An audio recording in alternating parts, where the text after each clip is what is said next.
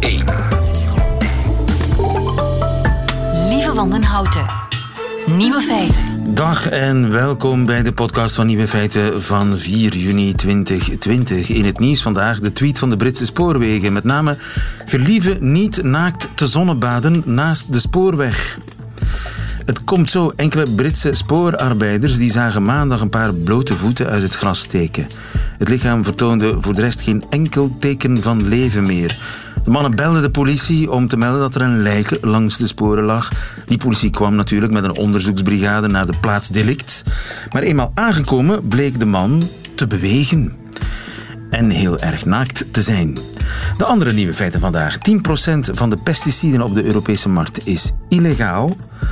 De lockdown in Moskou heeft voor een exodus naar het platteland gezorgd en corona die reisde mee. Zongedroogde was ruikt lekkerder en we weten nu ook hoe dat komt.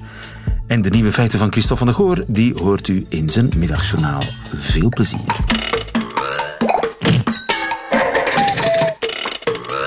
Nieuwe feiten. Heel veel geld verdienen op illegale wijze en hele milde straffen krijgen als je wordt gepakt. Dat kan niet, denkt u? Wel, dat kan wel, ontdekte Christophe Kleriks. Goedemiddag. Ja, goedemiddag, lieven. Christophe, jij bent voor KNAK, je bent journalist en je bent voor KNAK gaan rondsnuffelen op de zwarte markt van de pesticiden. Hoe groot is die zwarte markt? Die is gigantisch groot. Als we kijken naar de legale markt van pesticiden, dan spreek je in Europa over een omzet van 11 miljard euro. Dat is gigantisch. En naar schatting 10% daarvan is illegaal. Dus we hebben het over een markt van liefst 1 miljard euro illegale producten. Pesticiden, de sector zelf spreekt van gewasbeschermingsmiddelen. Dat 1 miljard, maar dan heb je het over Europa, toch niet over België? Nee, nee, dan hebben we het wel degelijk over eh, Europa. Ja. En België speelt in die markt een zeer belangrijke rol omwille van de haven van Antwerpen, die een heuse toegangspoort vormt voor heel Europa. Ja, dus 10% van de pesticiden in Europa zijn illegaal. Vind ik die gewoon in de winkel, die illegale producten? Dat zou absoluut niet mogen. Er bestaat eh, een, een, een zwart circuit en dat eh, zal heel af en toe leiden tot verkopen onder de toonbank van zaken die van de camion zijn gevallen. Maar uh, er is een heel ja, verdeeld circuit uh, dat een beetje achter de schermen blijft. Nu, dat, dat, dat zich vooral in de landen afspeelt die grenzen aan de buren van Europa. Ik noem dan bijvoorbeeld hè, Polen, dat uh, grenst aan Oekraïne.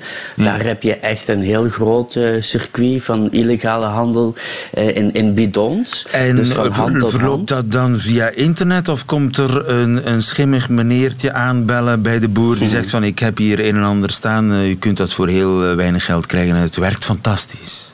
Ja, dus en en natuurlijk hè, zien we de online verkoop van allerhande illegale spullen, waaronder ook pesticiden, toenemen de voorbije jaren. Dat gebeurt dan soms via websites zoals uh, tweedehands.be bijvoorbeeld. Op tweedehands.be kun je dat krijgen?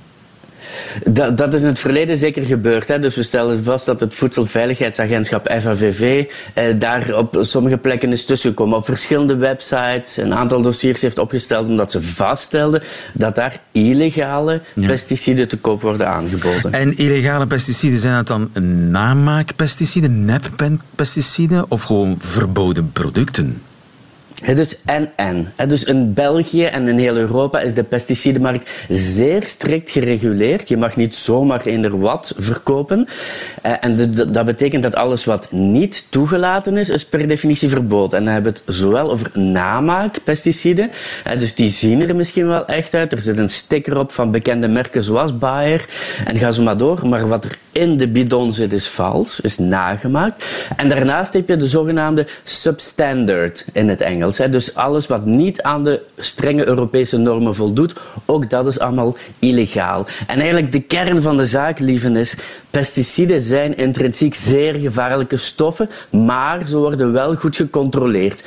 Nu, voor alle illegale pesticiden geldt dat die nooit zijn gecontroleerd, dus je weet niet wat erin zit. En daardoor zijn er echt wel potentiële risico's. Ja, en weet jij intussen wat erin zit? Is dat DDT? Wel, eh, er zijn van verboden stoffen. Ook DDT wordt af en toe nog wel eens uh, aangetroffen. Een manier om dat te weten, en dat is interessant, is door uh, te meten wat er in ons rivierwater zit. En dat doet de Vlaamse Milieumaatschappij. Zij monitort eigenlijk constant zowel uh, legale als verboden stoffen die opduiken in ons rivierwater. En dan hou je vast, dan is de vaststelling dat de afgelopen 20 jaar meer dan 100 verboden stoffen zijn gemeten in onze Vlaamse rivieren. Dus dat duidt erop dat er toch wel tal van verboden producten ja, nog altijd worden gebruikt, onder meer door landbouwers en, en, en wie weet eh, wie dat nog allemaal spuit. Ja, en lopen die landbouwers dan geen gevaar als ze dat lopen rond te spuiten? Ja, dat is heel gevaarlijk hoor. Een paar jaar geleden had je in Nederland nog een case waar een, waar een Poolse uh, gastarbeider die bij een landbouwer was te werk gesteld, zo'n verboden product uh, gebruikte. Ja, die man is op de intensive care beland. Hij heeft vijf dagen in het ziekenhuis gelegen met een, met een ernstige intoxicatie. Dus dat is absoluut een van de grote problemen met illegale pesticiden. Ze kunnen zeer gevaarlijk zijn voor de landbouwer, uh, voor, de, uh, voor de natuur. Ik heb al gesproken over het water, maar ook insecten zoals bijen kunnen echt een slachtoffer worden. En daarnaast heb je natuurlijk ook nog de economische schade, lieven, want het spreekt voor zich dat criminelen die illegale trafiek opzetten, ja, die betalen geen belastingen en daardoor loopt onze Europese schatkist liefst 238 miljoen miljoen euro per jaar mis. Ja, en gevaarlijk voor mij, hè, want ik eet dat brood dat gemaakt is met dat bespoten graan. Wel, dat is een beetje genuanceerd in die zin dat het Europese Voedselveiligheidsagentschap elk jaar wel eh, testen uitvoert op onze voedingsproducten, zo, zoals granen en appels en peren en noem maar op. En daarin worden dan ja, relatief weinig pesticiden aangetroffen. Nu, voor alle duidelijkheid, elke pesticide op ons eten is er een te veel wat mij betreft. Maar dus da daar moeten we niet nodeloos eh, paniek zaaien. Die cijfers vallen al bij al wel mee, al dus de Europese overheid. Ja. En dat spul, waar wordt dat gemaakt? Vaststelling is dat echt een grote meerderheid van illegale pesticiden afkomstig zijn uit China, waar trouwens ook heel veel legale pesticiden worden gemaakt. Na China volgt India en daarnaast nog landen eh, zoals bijvoorbeeld Mexico of de Verenigde Staten. En... en het punt is eigenlijk heel eenvoudig. Je mag uit die landen wel degelijk pesticiden invoeren, maar dan moeten ze zijn gemaakt in goedgekeurde laboratoria en andere fabrikagesites.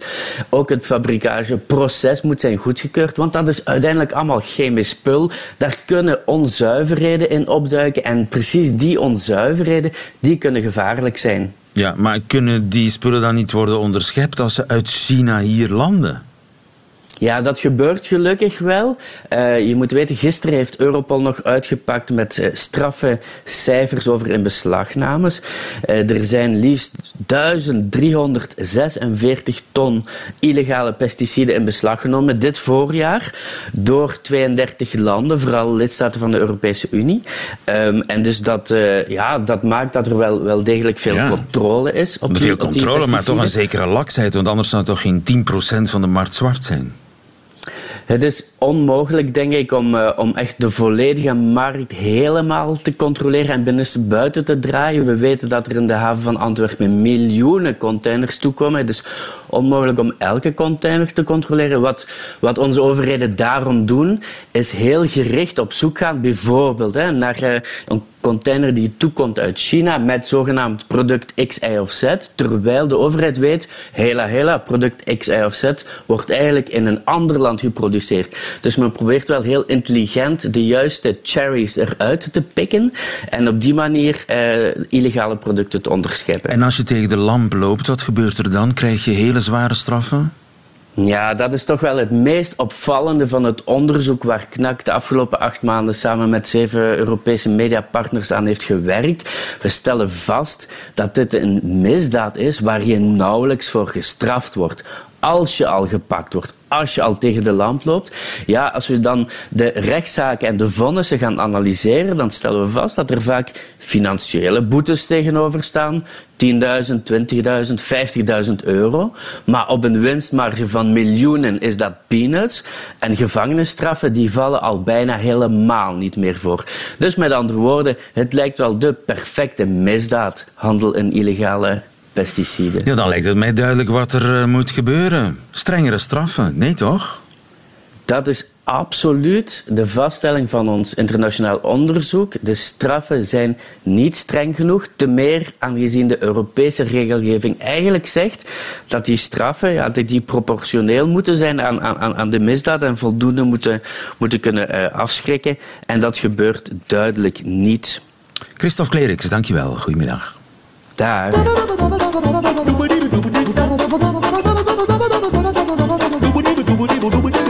Nieuwe feiten. Ik kan het u verzekeren, en met mij vele andere huisvrouwen, niets ruikt zo lekker als zongedroogde was. En het leuke is, we weten nu ook waarom. Bert Maas, goedemiddag. Goedemiddag. Bert, jij bent chemicus aan de Universiteit van Antwerpen. En het is een collega van jou, een Italiaanse aan de Universiteit van Kopenhagen, die zich over dit mysterie heeft gebogen. Want het is een mysterie, hè? Tot nu toe. Ja, het was eigenlijk voor 45 jaar een mysterie. Dus er waren een aantal hypothesen waarom eigenlijk uh, die zonnegedroogde was uh, beter ruikt dan de was die we binnendrogen.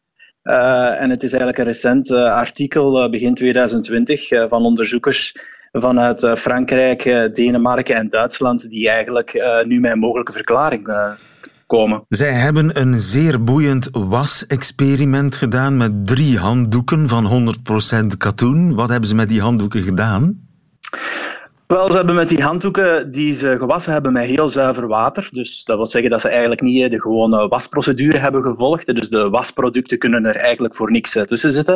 En ze hebben eigenlijk een vergelijking gemaakt en ze hebben uh, katoenen handdoeken binnen uh, gedroogd als een soort van referentie-experiment en dan buiten in de zon. En dan eentje hebben ze ook buiten gedroogd, maar dan buiten het zonlicht. En dan eigenlijk vergeleken welke componenten ze konden aantreffen die eigenlijk uit die handdoeken afgegeven werden en of dat daar uh, geurstoffen bij zaten. Ja, dus binnengedroogd, in de schaduw gedroogd en in de zon gedroogd. En de, waren de dat verschillen groot?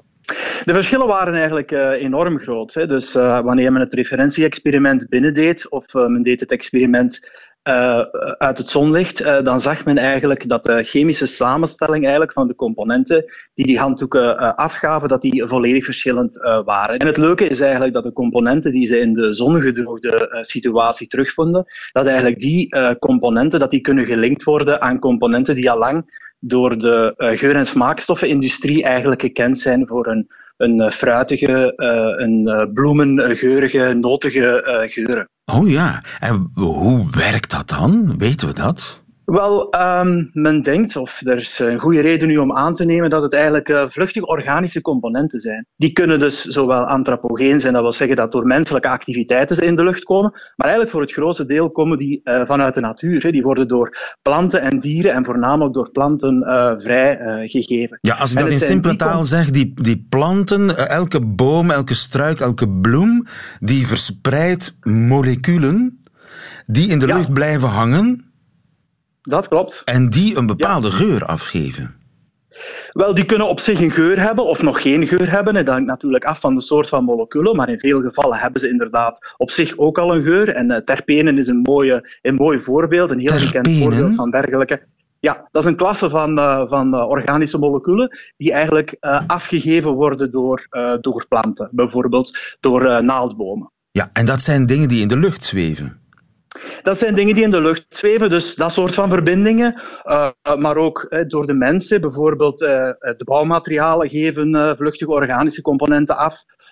maar natuurlijk ook onze huishoudproducten die we gebruiken. Daar de verven bijvoorbeeld, hè, een verf of een, of een lijm bijvoorbeeld, ja, die moet eerst lopen, pas uitharden. Dus je hebt daar organische oplosmiddelen voor nodig en, dat, en die gaan eigenlijk in de lucht en dat zijn wat we noemen die vluchtige organische componenten. Ja. En het zijn die vluchtige organische componenten die dus zowel van plantaardige oorsprong zijn als van menselijke oorsprong, dus onze menselijke activiteit, die dus rondzweven in de lucht en die dus ook voorbij uh, ons wassen zweven, om het zo maar eventjes te zeggen. Uh, en die gaan eigenlijk daar uh, een oxidatiereactie ondergaan. Dus eigenlijk komt het erop neer dat men gezien heeft uh, dat dus als gevolg van het zonlicht, en in het zonlicht zit een, een, stuk UV-straling, en UV-straling is eigenlijk het deel ook waardoor dat je bruin wordt, dat is de meer energierijke component van het lichtspectrum, van dat zichtbare licht dat tot ons komt. en het is eigenlijk die UV-straling die uh, in dat oppervlakje, hè, dus je hebt uh, die katoenen, in de studie was het katoen, maar dat kan natuurlijk ook op andere uh, kledingstukken of handdoeken. Dus er zit een, een, waterlaag op en die, vlucht, die, die, vluchtige organische componenten komen eigenlijk in die waterlaag die eigenlijk moet opdrogen om onze was uh, te, laten, uh, te laten drogen. En het is in die waterlaag dat eigenlijk die zogenaamde oxidatiereactie gaat plaatsvinden. Ja, ja. Dus Onder invloed van UV-licht oxideert als het ware onze was, brandt als het ware uh, die, die vluchtige componenten in het katoen zelf.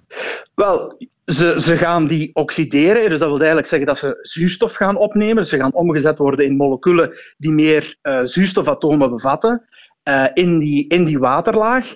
Uh, en daar zijn er dus een aantal van die een, heel, een, heel aangename, een heel aangename geur hebben. En die gaan eigenlijk adsorberen aan dat oppervlak van uw katoen. Dus dat katoen gaat daarmee interageren. En zo blijft dat eigenlijk bij drogen. Want je zou kunnen zeggen, ja, als ze vluchtig zijn en ze oxideren en ze zijn nog vluchtig, want anders dan gaan we ze niet raken, ja, dan zijn ze toch onmiddellijk weg. Hoe komt het dan dat, we onze, dat we de was zo lang uh, die aangename geur hebben, zelfs wanneer we dat in de kast leggen voor een zekere tijd. En we halen dat eruit, dan ruiken we soms nog altijd die, die, die aangename geur. Wel, dat is omdat die uh, geoxideerde moleculen eigenlijk uh, adsorberen aan dat oppervlak van dat katoen en eigenlijk heel traag gaan afgegeven worden. Dus zelfs als het water verdampt is, hangen daar nog altijd van die moleculen aan en die gaan in functie van de tijd maar heel traag afgegeven worden. Dat heeft de natuur maar mooi dus, geregeld. Dat heeft de natuur inderdaad mooi, geregeld en op die manier kunnen wij lang genieten van um, frisse, frisse geuren wanneer we onze was uiteraard uh, buiten hebben gedroogd ja, in het zonlicht. Daar kan geen wasdroger tegenop. Dankjewel Bert Maas, heel duidelijk. Goedemiddag. Nieuwe feiten.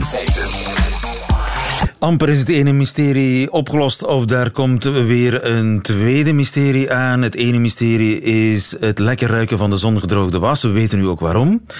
Het nieuwe mysterie uh, komt binnengerold in de gedaante van uh, ja, onze fashion editor uh, bij Nieuwe Feiten, Babette Monen. Babette, je hebt verontrustend nieuws. Ja, heel verontrustend nieuws. De krok komt terug. De comeback van de krok. Uh, Niet de krok, monsieur. Hè? Dus in, in we hebben het over fashion, we hebben het over ja. mode, we hebben het over schoenen. Hoe ziet een krok er ook alweer uit? Dat is zo'n rubberen klomp met van die gaten in, weet je wel? Oh jee. We hebben een collega die daarbij zweert uh, bij de krok. Het is eigenlijk helemaal niet fashionable, maar naar het schijnt heel comfortabel. Ik weet het niet, ik heb nog nooit aan mijn voeten gehad. En dat is ook de reden waarom hij terug zou zijn. En hoe merken we dat, dat hij terug is? De krok is het trainingspak onder de schoenen. En we hebben allemaal lang binnen gezeten. En er zijn op sociale media nu heel veel foto's van mensen die uh, hun chique kostuum aantrekken voor een videomeeting en daaronder crocs dragen. En dan zeggen van, het is uh, business on top, party at the bottom. Ja. Maar uh, nu we stilaan uit de epidemie aan het verdwijnen zijn, zou, nee, zou de krok stilaan samen met corona kunnen terug verdwijnen. in de nevelen van de geschiedenis kunnen opgaan. Dat zou mooi zijn, maar naar het schijnt zijn ze zo comfortabel dat heel wat mensen besloten hebben om ze toch wat langer aan te houden. Zelfs mensen die heel stijlvol zijn. Bijvoorbeeld dame Helen Mirren. Die zegt dat, Helen Mirren? Ja, die zegt dat ze zweert bij Crocs. en dat, het ook, Mia. en dat het ook zo leuk is, want ze kan die gewoon in de afwasmachine steken en dan zijn ze weer helemaal propers. Dat heeft ze gezegd bij Jimmy Kimmel. En ja, ik denk als Helen Mirren al gevallen is, dan moeten we ons misschien echt zorgen maken. Kanye West gaat zelf een sneaker uitbrengen die verdacht veel lijkt op Crocs. En dat is toch de, ja, het grootste eerbetoon natuurlijk, imitatie. Dus En ik nog vrees iemand? dat we er nog niet vanaf zijn. Justin Bieber. Justin. Bieber. Dus het, is, het zit ook in alle generaties. Dat maakt het ook zo verontrustend. Vreselijk, vreselijk. Nieuwe feiten. Russische dorpen die liggen vol zandhopen. En Tom Venning, de correspondent Rusland van de Volkskrant, die heeft er een paar gezien van die zandhopen. Dag Tom. Dag. Waar heb jij die zandhopen gezien? Ik heb ze gezien in een eh, provincie in het zuiden van Rusland, in Dagestan. Dat is een eh, heel bergachtige provincie met eh, ja, dorpen die heel lastig te bereiken zijn. Maar als je daar de bergen in gaat en je kijkt links en rechts van de weg, dan zie je inderdaad zwarte zandhopen liggen. Allemaal vers, ongeveer twee meter bij, bij één. Ja, en ze, ze vallen echt op. En dat zijn, wat ik denk dat het zijn, graven. Ja, ja dat zijn eh, graven van mensen die de afgelopen maanden omgekomen zijn in die dorpen. Eh, zeer waarschijnlijk als gevolg van het coronavirus. Zijn die mensen ook Ehm. officieel gestorven aan corona? Nee, nee, nee. Het zijn bijna allemaal mensen die geregistreerd staan als eh, overleden als gevolg van een longontsteking of dubbele longontsteking. Bijna niemand is daar geregistreerd als eh, slachtoffer van het virus. Dus officieel zijn er geen coronadoden in die dorpen. Maar de dorpen liggen vol verse zandhopen, eh, graven waar nog geen steen op ligt. Ja, juist. Ehm, eh, wat er in die dorpen gebeurt, eh, is voor die dorpen eh, een grote verrassing geweest. Zij zijn niet geïnformeerd vanuit Moskou over eh, het coronavirus. Ze wisten daar heel weinig van. En wat er gebeurd is in die dorpen, is dat er mensen naar die dorpen toe zijn gegaan vanuit Moskou. Dat zijn Dagestanen die eh, heel vaak werken in Moskou, bijvoorbeeld als taxichauffeur of eh, ze werken in de bouw, omdat er eh, te weinig werk is in de eigen provincie. En ja, die mensen die zijn met z'n allen teruggegaan naar die, naar die dorpen in Dagestan. En ja, die hebben daar de hele provincie besmet. Eh, dat is wat er eh, gebeurd is in Dagestan. Dus corona is vanuit Moskou geïmporteerd in die afgelegen dorpen door middel van een soort exodus die het gevolg is van, van de lockdown in Moskou. Ja, juist. Ik, ik belandde zelf ook in die exodus. Ik had dat eh, eigenlijk niet zo verwacht van tevoren, want ik begreep eigenlijk niet zo goed hoe op zulke afgelegen plekken dat virus zo zwaar eh, toegeslagen heeft. Maar toen ik in het vliegtuig stapte in Moskou, begreep ik het direct. Want het hele vliegtuig zat bomvol. Eh, mensen droegen geen mondkapjes. Eh, en eh, je moet begrijpen, dit is een vliegtuig dat vertrekt uit Moskou. Moskou is het epicentrum van de uitbraak in Rusland. Eh, dus op die manier ja, zijn er ontzettend veel coronapatiënten geïmporteerd naar, naar Dagestan. Ja, want eenmaal dat vliegtuig dan geland in Dagestan, hoe gaat het dan naar die dorpen? Nou, dan stap je uit het eh, vliegtuig en dan moet je een bus in eh, waarmee je naar de terminal gaat. En ook die bus zit weer propvol. Eh, als je vraagt, mag ik even lopen, want dat lijkt me toch veiliger, dan, ja, dan mag dat niet. En vanaf het vliegveld gaat het met, ja, vaak met kleine bestelbusjes de bergen in. Eh, slechte, slechte wegen, Eh, het zijn grote afstanden. Ehm, en eh, wat ook niet helpt, is dat de Dagestanen verschrikkelijk gastvrij zijn. Dus als je in een dorp stopt, dan word je direct uitgenodigd om mee te eten. Eh, ja, vaak in kleine kamers, in kleine ruimtes die niet goed geventileerd zijn. Ja. Eh, ja, Ja, en nu hebben we het over het virus zich daar. Dagestan, maar je kunt wellicht hetzelfde verhaal vertellen over een andere afgelegen Russische streek. Neem ik aan. Ja, ja, Dagestan is een goed voorbeeld omdat het een arme provincie is waar weinig werk is en waar dus heel veel mensen uit zijn vertrokken eh, om te werken in, in Moskou. Dat geldt niet voor iedere provincie. Ehm, er zijn bijvoorbeeld veel provincies met gas- en oliereserves. Daar wordt minder, eh, die, die vertrekken minder snel naar Moskou. De mensen die daar werken. Maar ja, je hebt gelijk, er zijn eh, zo meer voorbeelden in Rusland Ja. te vinden. En hoe is de sfeer daar nu? Ik bedoel, daarmee zijn die mensen niet verschrikkelijk boos, want die hebben ja, een, een coronabom gekregen uit Moskou. Ja, ja, en dat is ook uh, precies wat ik daar heb gehoord. Uh, ik sprak een imam in een, in een klein dorpje waar je dus die, die, die zandhopen hebt zonder grafstenen. En hij zegt, ja, ik laat niets en niemand meer toe in mijn dorp. Want uh, ja, het virus komt van beneden en niemand heeft ons hier iets over verteld. Het enige, uh, de enige medicijn dat we hebben om ons te beschermen zijn ja, citroenen en knoflook en gember. Uh, medicijnen zijn daar nauwelijks uh, voorhanden. De, de arts is overleden aan, aan het virus. Ze hebben nu alleen nog een, een, een, een, een verpleegster. Maar ja, die is niet geschoold om een, om een virus ja. te bestrijden. Dus, dus al, ja, die mensen hij, die daar, al die mensen die daar gestorven zijn, die zijn daar gestorven zonder medische zorgen. Er, er was geen intensieve zorg in een ziekenhuis die die mensen nog proberen te redden, of, of althans een, een, een overlevingskans gegeven heeft. Ja, ja, daar heb je gelijk in. Uh, in, in Dagestan heb je ook een, uh, ja, een provinciebestuur. En dat heeft eigenlijk ook heel weinig gedaan, omdat het provinciebestuur niet tegen Moskou wil zeggen, dus eigenlijk tegen Poetin wil zeggen, wij hebben hier een groot probleem.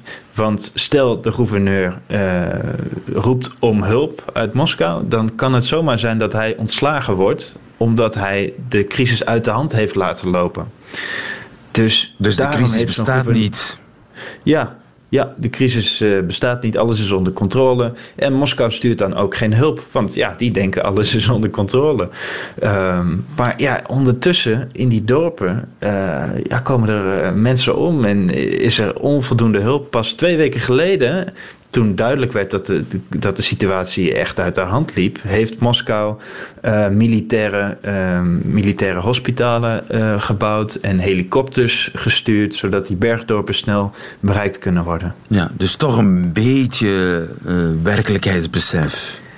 Ja, maar eigenlijk komt het veel te laat. Want uh, ja, bijna iedereen in die dorpen heeft het virus gehad.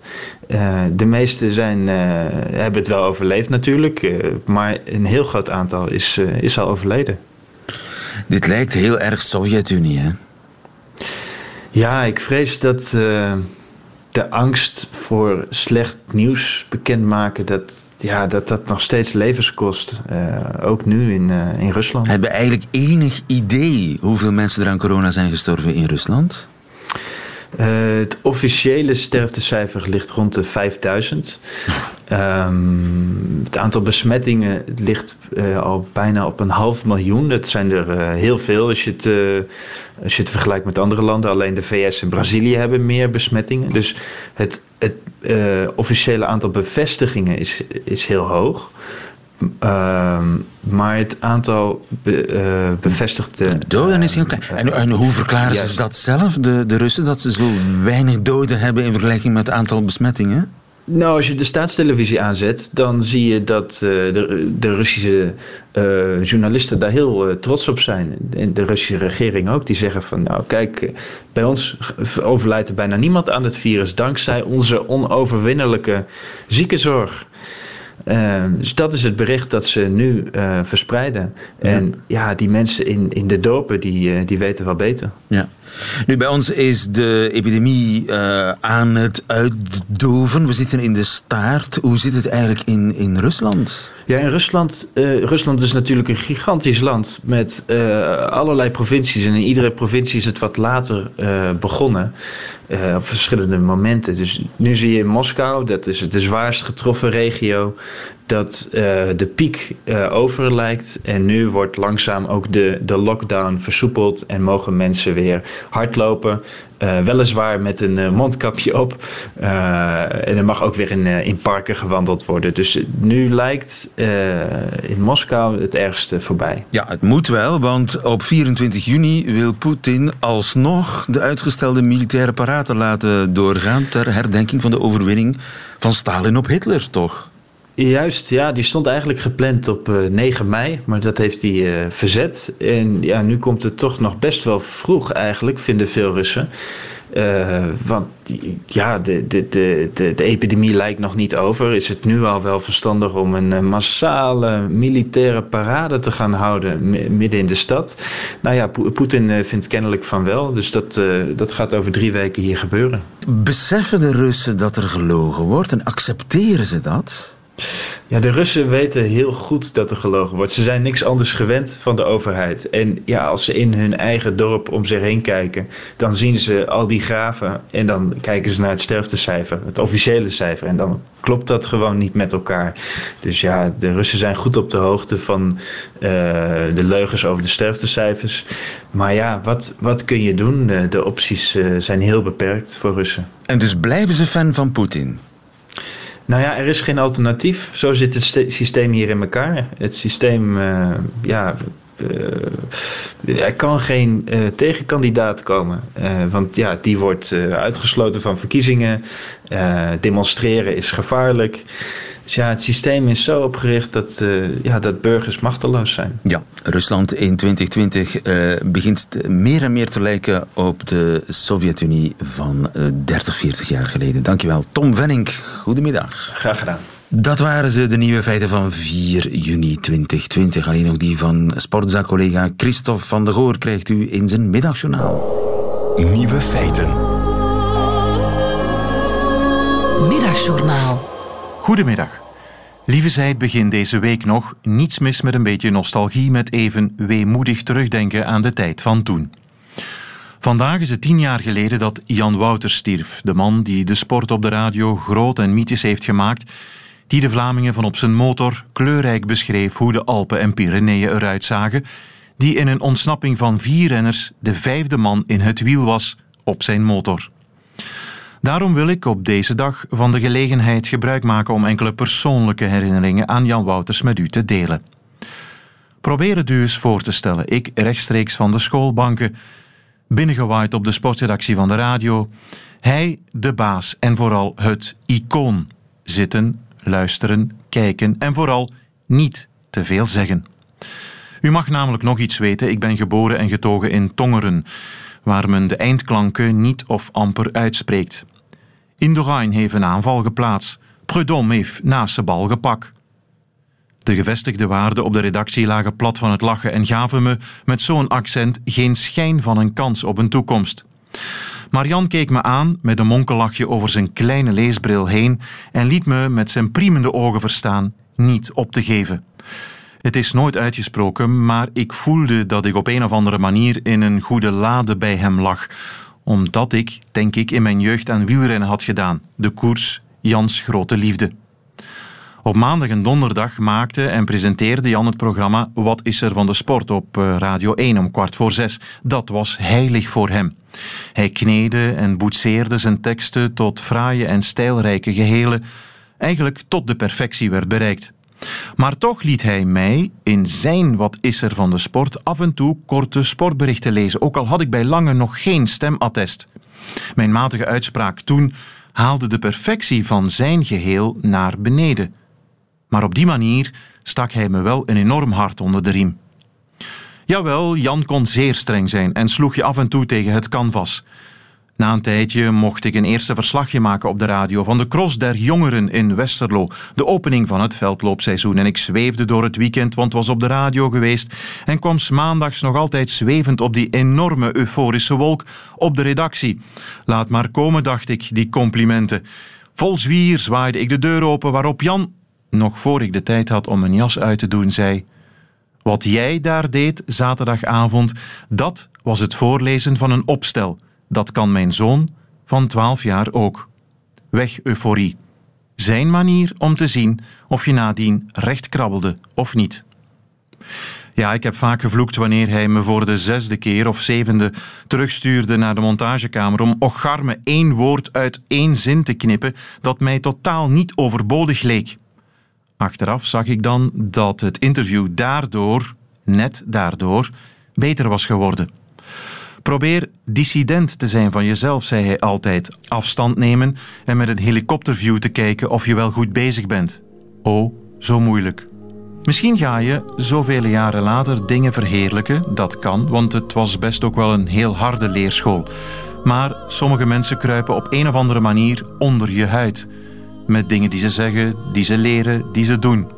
En daarom ben ik blij en vooral dankbaar dat ik toch nog enkele jaren onder Jan Wouters heb mogen dienen.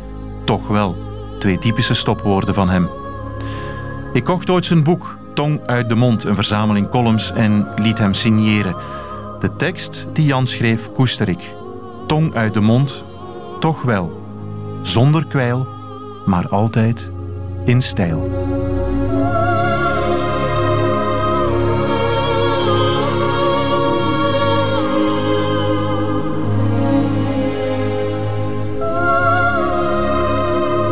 Een eresaluut aan een groot man.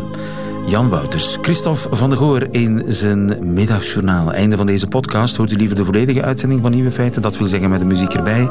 Dat kan via onze app of via onze site radio1.be.